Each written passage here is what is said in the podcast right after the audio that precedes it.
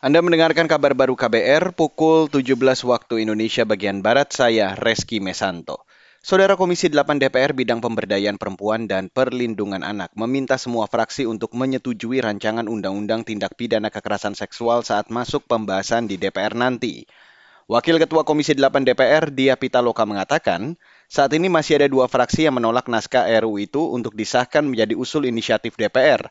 Dua fraksi adalah fraksi Golkar yang meminta penundaan dan satu fraksi lainnya PKS yang tegas menolak. Jadi tiap fraksi itu kan punya ruang untuk statement politik kan, atau menyampaikan pandangan-pandangannya secara politis melalui fraksinya. Nah kita melihat undang-undang ini kan masih di menjadi inisiatif RUU inisiatif DPR yang artinya masih akan ada pembahasan lagi tentu hmm. kita berharap semua fraksi di DPR akan menyetujui gitu gitu karena kan kita masih punya fase pembahasan lagi termasuk juga nanti membahas BIM bersama dengan pemerintah.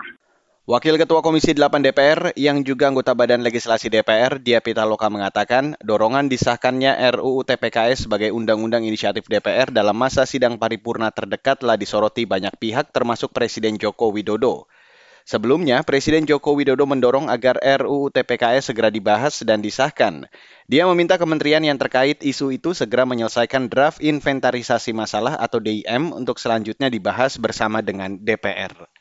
Beralih ke Kalimantan Timur, Saudara, Satuan Tugas Penanganan COVID-19 Kota Balikpapan memperketat pengawasan di pintu masuk perjalanan internasional guna mengantisipasi penularan virus corona yaitu varian Omikron.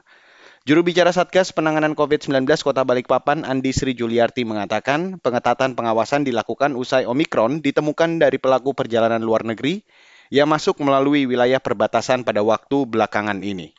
Varian baru Omikron ya belum ada dan kita berharap tidak ada. Ya semoga penjagaan di pintu masuk negara cukup ketat sehingga tidak meluas ke daerah-daerah lain termasuk ke Kalimantan Timur.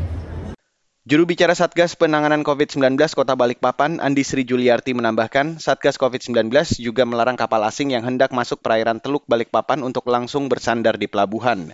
Ia beralasan tim dari kantor kesehatan pelabuhan akan langsung melakukan tes usap COVID-19 ke seluruh kru kapal di tengah laut. Sampel dari tes usap itu bakal dikirim ke Litbangkes Kementerian Kesehatan atau Kemenkes untuk memastikan tidak ada yang terinfeksi Omikron. Saudara, enam kecamatan di Kabupaten Nunukan dilanda banjir. Badan Penanggulangan Bencana Daerah atau BPBD Kabupaten Nunukan memperkirakan ada lebih dari 100 rumah terkena banjir dan berdampak pada 350 keluarga.